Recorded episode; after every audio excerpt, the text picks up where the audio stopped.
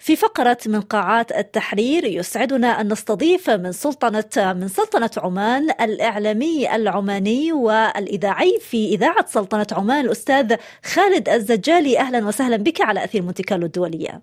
مرحبا دكتور أهلا وسهلا بك وتحية لجمهورك وتحية لكل المستمعين وأنا واحد منهم تحية. من كارلو إذاعة اليوم راقية الحقيقة بكل برامجها ومذيعيها. تحية لنا ولكم لأنه اليوم العالمي للإذاعة كما تعرف وكنا نحب أن نسلط الضوء معك أستاذ خالد على واقع الإذاعة والإذاعيين اليوم.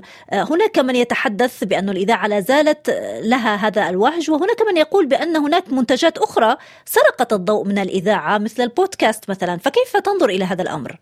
الإذاعة استفادت من كل هذه المعطيات لكن في البداية دكتورة إيمان خليني أحيي آه الإذاعة آه اللي أنا أنتمي لها وأعتز بانتمائي آه للإذاعة إن كانت بداياتي مع إذاعة سلطنة عمان الإذاعة الرسمية اليوم أنا على مسقط اف ام اذاعه خاصه وأيضا الإعلام الخاص اليوم يلعب هذا الدور الكبير في سلطنه عمان وفي أنحاء العالم. وتحية لكل الإذاعيين الحقيقة اللي كان لهم دور كبير وأنا اتحدث عن مجموعة من المؤسسين اللي تعلمنا على إيدهم ودفعوا بينا وحببونا وأعطونا أيضا الجرأة بأن نكون خلف الميكروفون. وتحية للمستمعين اللي بكل تأكيد كان لهم دور كبير أيضا في تشجيعنا والاستماع إلى برامجنا.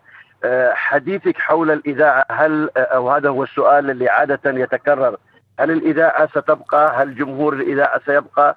نقول نعم الإذاعة ستبقى واليوم الإذاعة تستفيد من كل هذه المعطيات الموجودة إن كان اليوتيوب أو التطبيقات معينة. اليوم الإذاعات موجودة على تطبيقات. يعني ما شرط تستمع إلى الإذاعة في بلد بلد الإذاعة إنما اليوم على مستوى العالم من خلال التطبيقات من خلال اليوتيوب. اليوم الإذاعة استفادت من الكاميرات اليوم الإذاعة أصبحت كتلفزيون آخر من خلال النقل المباشر.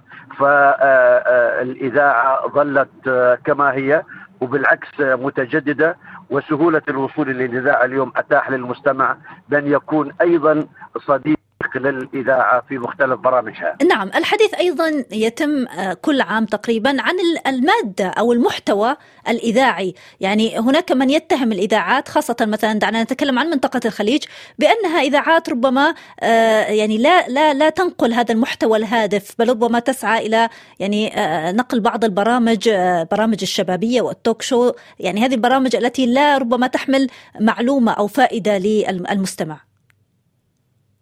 نعم. دكتورة هذه ربما لها مستمعينها والإذاعات ربما البعض من هذه الإذاعات كإذاعات الأف أم تخصص هذه المساحة. لكن أنا يعني من ضمن الناس المشتغلين على محتوى آخر ربما قريب من هموم الناس وقريب أيضا ما يحدث في بلدي أحاول أن أنقله إلى المستمع. وبالعكس يكون المستمع أيضا شريك في الطرح الخاص بمثل هذه البرامج.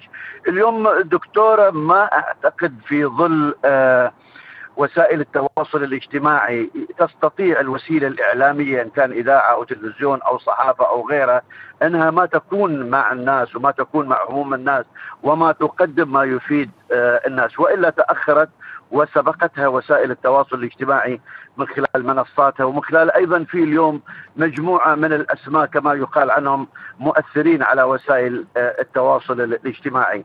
فالإذاعات إذا لم تتعاطى مع فكر الشباب اليوم ومع معطيات اليوم أتوقع ستتأخر ولا أعتقد أن الإذاعات ب بمدراها وبمسؤولينها وبالإذاعيين اللي موجودين فيها ممكن يكونوا متأخرين على الركب نهائيا.